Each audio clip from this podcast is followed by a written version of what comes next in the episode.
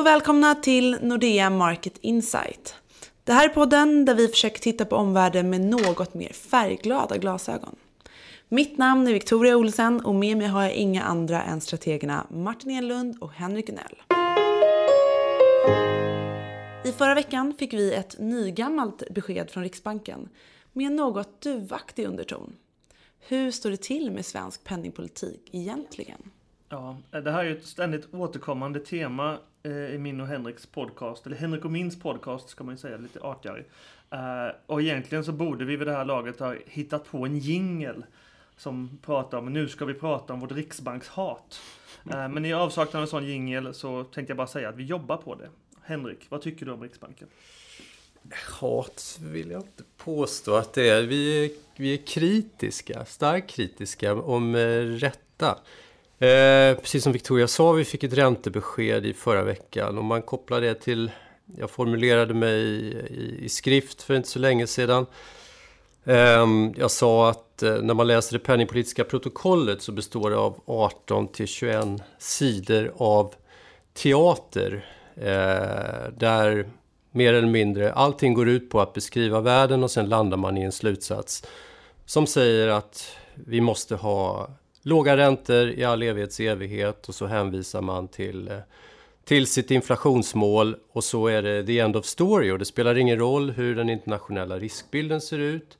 Det spelar ingen roll egentligen eh, hur mycket man reviderar upp, som i det här fallet i förra veckan, reviderar upp svensk, svensk tillväxt eller svensk inflation. Nu ligger vi en tiondel, eller Riksbankens prognos är att inflationen ska befinna sig på 2% i år, 1,9% nästa år. Så oavsett vad som händer i ekonomin så, så landar man alltid i slutsatsen att man ska vara mjuk och stimulativ. Och, och det här är ju någonting som vi i marknaden reagerar, många i marknaden reagerar starkt över och såklart jag och Martin också. Där ligger vår kritik, för vi ser att det här det gör slarvsylta av riskpremier och det är de här inre obalanserna som man pratar om överallt. Det vill säga att vi har en kredittillväxt och vi har stigande fastighetspriser.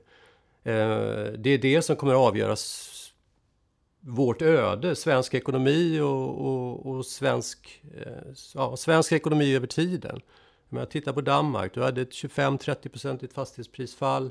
Det har tagit dem 10 år att komma tillbaka till den nivån av produktion detaljhandelsförsäljning, konsumtion etc. Uh, sen, sen, uh, och, det, är, det är ungefär det är en blueprint på vad som skulle hända i Sverige givet att, att vi hade samma utveckling. Jag vill säga två saker. Den ena konkret och det är att Riksbanken var ganska mjuk, eller mjukare än vad vissa hade hoppats på väldigt väl i linje med Nordeas prognoser om man ska klappa mina kollegor på axlarna. Um, och det finns inga tecken på att de håller på att byta reaktionsfunktion. Man tänker sig eller hoppas att de ska fokusera lite mindre på inflationen och mer på annat, till exempel sysselsättning, eh, finansiella obalanser och så vidare, vilket är det Henrik är inne på. Men det fanns, ja, det fanns kanske några tecken, men väldigt, väldigt få tecken jämfört med förväntansbilden på att Riksbanken höll på att göra det här skiftet. Så vi är fast här med en centralbank som fortsätter på inslaget spår. Eh, kronan kommer förmodligen inte stärka särskilt mycket. Eh, för Riksbanken fortsätter att vara på sin vakt och den är skeptisk till inflationsuppgången. Eh, den ser också som vi att den är driven av en hel del engångsfaktorer. Så det är väl det konkreta och det mer luddiga jag vill tillägga är att på sätt och vis så tycker jag att vi är orättvisa mot Riksbanken hela tiden. Även om jag generellt sett håller med Henrik i väldigt mycket av kritiken så, så kritiserar vi ju Riksbanken Um, inte på grund av Riksbanken egentligen utan på grund av den paradigm som den här uh, banken håller på att drunkna i på något sätt.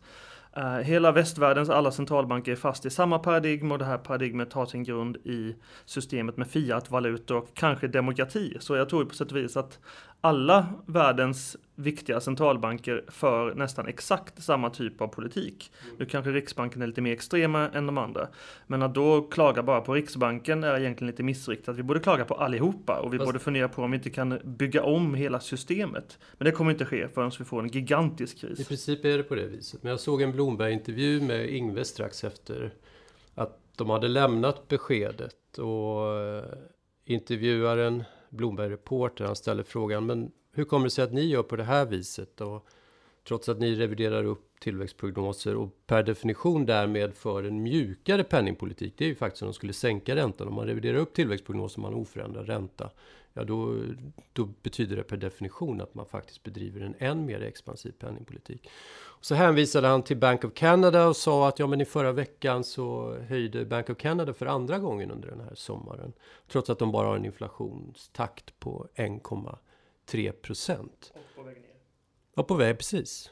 Var på Ingves svarar ja, han, han, han skrattar lite grann, skrockar lite grann och så säger han men kan, Kanada de bor granne med, med världens största ekonomi etc. etc. Det, den typen av politik är inte applicerbart på Sverige fast det är precis det den är.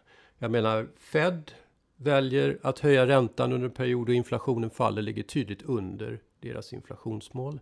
Norges bank de sänker inte räntan vidare trots att inflationen nu är under en va? från och med igår. Så det här är ett val man gör. Det finns ingen penningpolitisk vetenskap eller blueprint utan alla centralbanker gör de valen som man gör. Och jag menar att Riksbanken har ett synnerligen orent beteende. Eh, och lite grann som Martin är inne på, visst, paradigmet är som det är. Men samtidigt så finns det faktiskt frihetsgrader att, att bedriva penningpolitik på ett ansvarsfullt sätt. Och den här bunkermentaliteten som vi har i Sverige, där vi har olika institutioner som är ansvariga för olika saker. Det vill säga Riksbanken för penningpolitiken, Finansinspektionen för, för eh, systemrisken och, och kredittillväxt etc. Jag menar, och resultatet blir ju förödande, för det här är ju att ingen tar ansvar för hel helheten. Och i min värld så är Riksbanken en, bara en välgörenhetsinrättning för svensk exportindustri. Alltså, svensk ekonomi det är, det är en gigantisk kuliss som ytligt tycks fungera alldeles utmärkt, men som egentligen är en katastrof. Vi har bostadsmarknaden som är spekulativ, den är girig, den är okontrollerad och fullständigt livsfar livsfarlig för svensk ekonomi. Och de skiter fullständigt i det. Det är en skandal. I, jag kan, till, jag kan tillägga att, att en viktig drivkraft till att Riksbanken beter sig kanske lite extremare än andra centralbanker som Bank of Canada i synnerhet eh, är att de har noll och inget självförtroende. Och då får man fundera på, ska de ha självförtroende? Riksbanken har uh, var utsatta för extremt tuffa ändå politiska påtryckningar och mediala påtryckningar för några år sedan. Vi hade uh, viktiga tidningar som skrev artikel efter artikel om hur Säg Riksbanken DN. Ja, DN skrev artiklar om hur Riksbanken bedrev en vanvettig högräntepolitik. Man eh, tog ifrån Riksbanken Eh, en hel del av dess ansvar. Så den har ju förlorat på något sätt den mediala och politiska kampen kring hur penningpolitiken ska vara utformad. Eh, samtidigt sett så har den ju noll och inget självförtroende och det är på ganska goda grunder.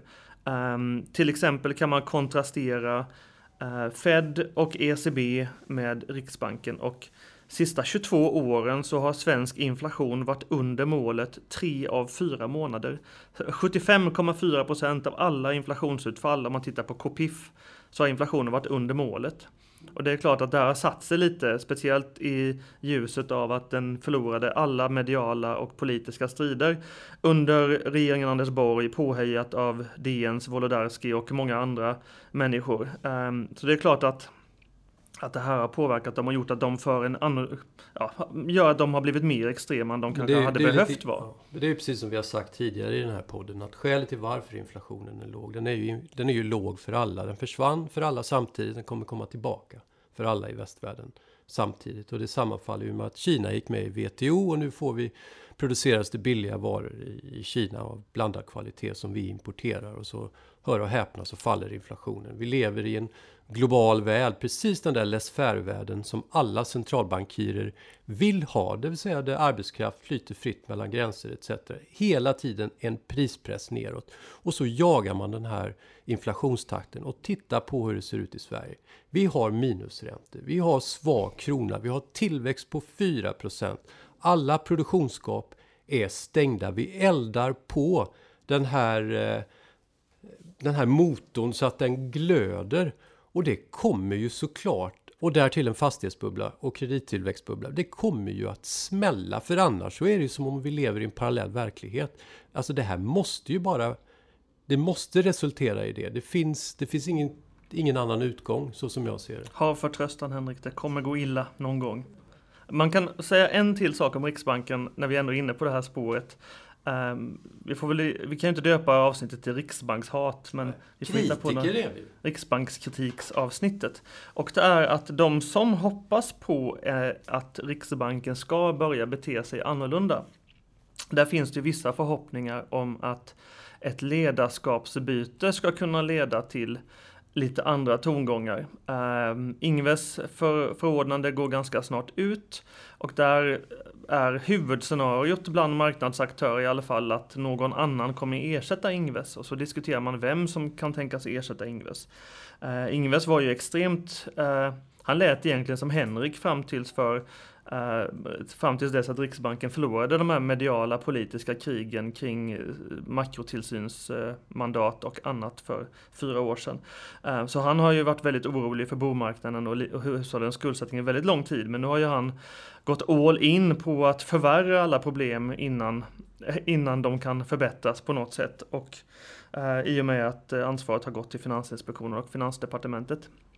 Så Ingves har ju sista åren varit oerhört mjuk och han har ju haft utslagsröst i olika penningpolitiska besked. Så skulle man då byta ut Ingves mot någon som kanske inte är lika mjuk så skulle det kunna göra att vi får en annan penningpolitik kanske redan nästa vår. Det ligger inte i, i Nordeas prognos att det kommer någon räntehöjning nästa vår utan vi har i prognosen att de ska höja först sent nästa år. Uh, bara så ni vet. Uh, men då funderar man också på vem som, vem som kommer byta ut Ingves och där har man pratat om um, Carolina Ekholm som satt i Riksbankens direktion fram till för några år sedan. Hon tillsammans med E.O. Svensson var oerhört påhejande eh, av en eh, extrem lågräntepolitik. Så på så vis kan man tänka sig att byta ut Ingves mot Ekholm ändrar ingenting. Men det finns många andra namn där ute och eh, det som har diskuterats i maktens korridorer på sistone är att kanske är Carolina Ekholm för politiskt färgad för att bli aktuell till att bli riksbankschef. Även om alla i branschen, bankekonomer och så vidare tycker mycket väl om henne så har vi ett extremt polariserat politiskt klimat och kanske gör det att sökarljuset kommer gå från Ekholm till någon annan eh, kandidat och då skulle man kunna tänka sig att det gör att Riksbanken börjar bete sig lite annorlunda lite tidigare till och med än vad marknaden prissätter. Kanske ta lite mer sikte på finansiell stabilitet, kreditcykler och sådana här saker som var väldigt heta i globala centralbankskretsar så sent som 2013 och det där kan ju komma tillbaka. Men ta en sån som, alltså det som motsäger att vi skulle få en annan dynamik i Riksbanken, ta en sån som Skingsley som på utsidan var hon var chefsekonom på Swedbank och hon resonerade ungefär som jag och Martin gör. Man måste titta på kreditcykeln. Man kan inte bara stirra sig blind på inflationen för då, då kommer man bedriva en hiskeligt felaktig penningpolitik. Hon lät eh, som en copy-paste på oss och sen så går hon in och blir riksbanksledamot. Det är som hon tar piller, går in i Brunkebergstorg och sen så helt plötsligt så eh, låter hon ungefär som de andra. Hon fick ett blått piller när ja. hon gick Helt med klart. Riksbanken kanske. Ja. Inte röda, röda Så jag har inte någon större... Eh, eller jag, jag, tror egentligen inte att dynamiken i Riksbanken kommer Nej, att förändras. Det sitter ju, man ska ha med sig att i alla sådana här typer av organisationer och oavsett om det gäller president Trump i USA eller nästa riksbankschef, om det blir Ingves eller någon annan, så sitter ju en, en bombmatta, en, en biomassa med doktorer och professorer som kommer fortsätta tycka och bete sig precis som de har betett sig och tyckt de sista 5-10 åren. Så det finns en extremt inneboende momentum i alla sådana här jätteorganisationer. Ja, och vi driver mot en total krasch och det kommer inte bli bättre förrän det blir så. Om vi istället vänder blicken något mer åt väst. Det är mycket som händer i USA just nu med skuldtak, orkaner och missilhot. Men sommarens stora tema har ändå varit dollarutvecklingen. Vad är det egentligen som händer på andra sidan Atlanten? Dollarn har kraschat påtagligt får man ju säga. Vi hade i prognosen här på Nordea att dollarn skulle gå riktigt dåligt efter hösten men den började gå dåligt redan innan hösten. Så där hade man ju fel och det har smärtat i prognosarken den här kraftiga dollarutvecklingen. Och det finns en hel uppsjö med drivkrafter till vad vi har sett. Eh, precis som Victoria är inne på.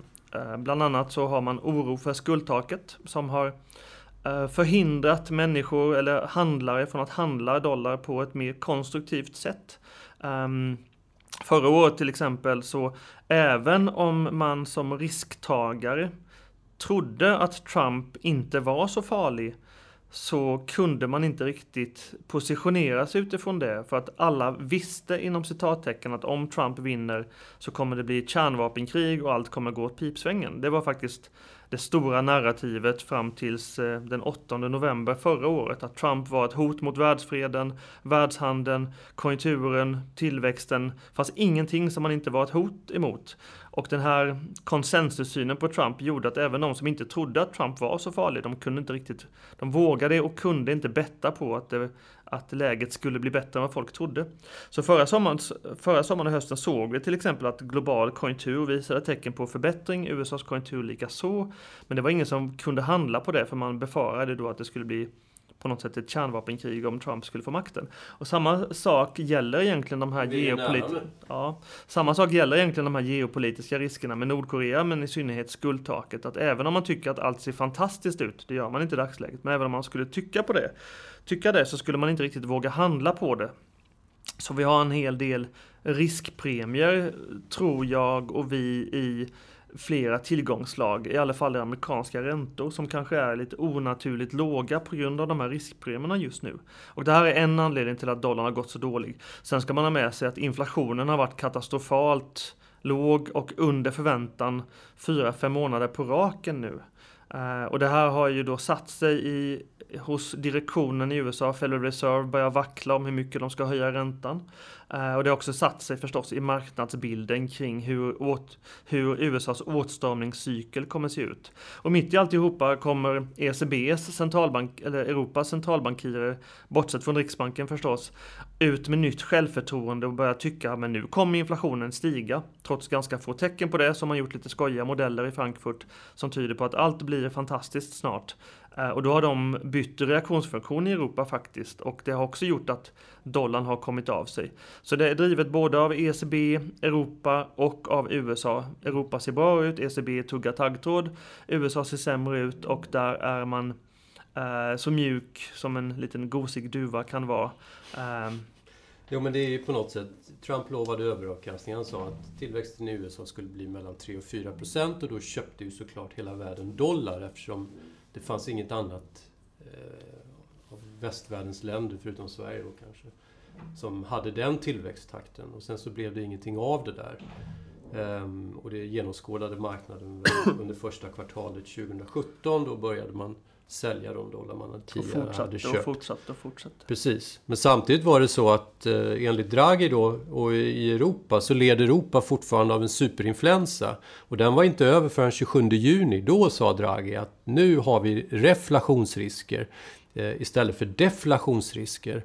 Och reflation betyder ju då det motsatta över deflation. Då har vi tillväxt och en inflation som, inflation som är på väg upp. Och i det ögonblicket som han kläckte, kläckte den meningen eh, så började marknaden köpa eh, väldigt, väldigt mycket euro. Eurodollarn kom upp och beredde vägen för att dollar-SEK skulle falla rejält. Så då fick vi den här rörelsen från 8,50 ner till 7. Man kan ta med sig det som en liten marknadslärdom bara att väldigt ofta när eh, vi marknadsmänniskor ska diskutera kronor, då tittar vi inte så mycket på dollar-SEK. Det är klart att det är viktigt för väldigt många. Men dollar-SEK är en kombination av euro-dollar och euro-kronor. Uh, och euro, kronans värde mot euron rör sig inte särskilt mycket så därför blir de här stora slagen i dollar-kronor det drivs av ECB och Fed. Riksbanken sitter där och skvalpar lite i utkanten av Europa. Mm. En konstig metafor men det får men, Och vi får tror ju på fortsatt dollarsvaghet going forward. Ja, eh, kortsiktig respit, eh, återkomst, kanske kan dollarn stärkas ett par procent. 2-4 procent i fjärde kvartalet. Vi har hoppats på det och det ligger i våra prognoser. Mm. Men sen är den långsiktiga trenden att dollar ska man inte ha helt enkelt. Eurodollar är på väg upp och det kommer att spela över till en dollar SEK som sniffar sig ner mot 7 kommande år. Mer normala nivåer helt enkelt. Ja. Snittet på dollar SEK sista 20 åren är 7,60 ungefär nominellt.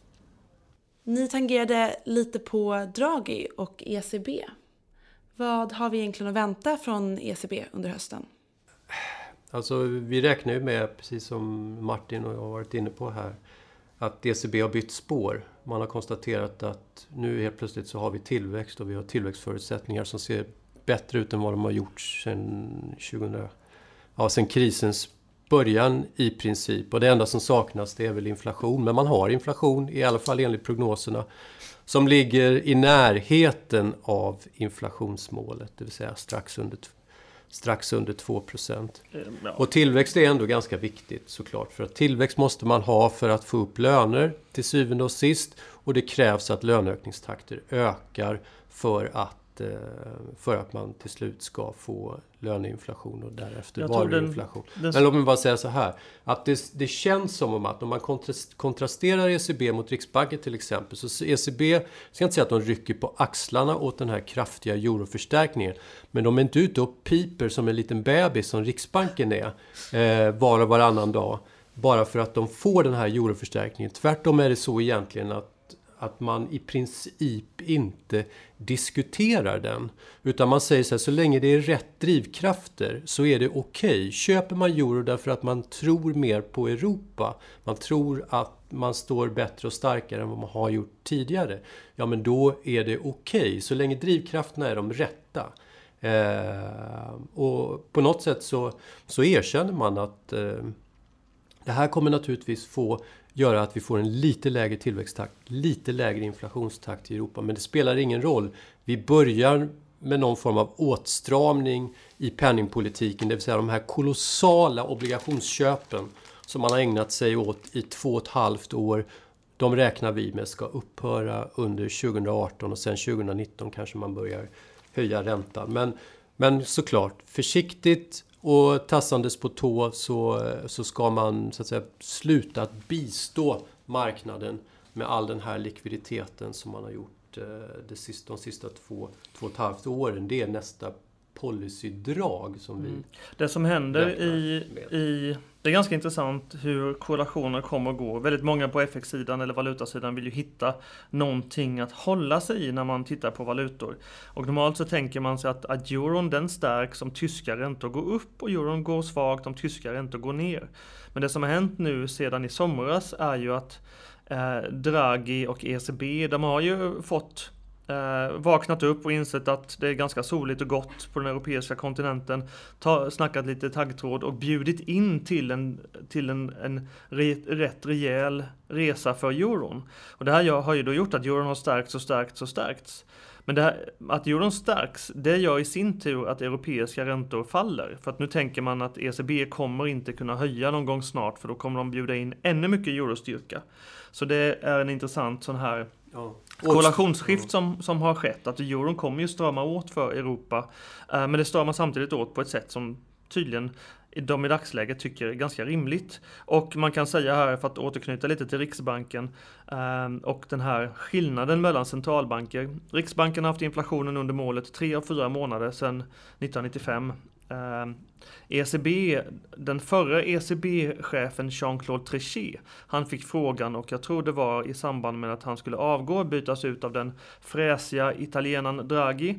Eh, då fick han frågan hur, hur han såg på, eh, på måluppfyllnaden sedan ECB skapades och EMU kom igång 1999.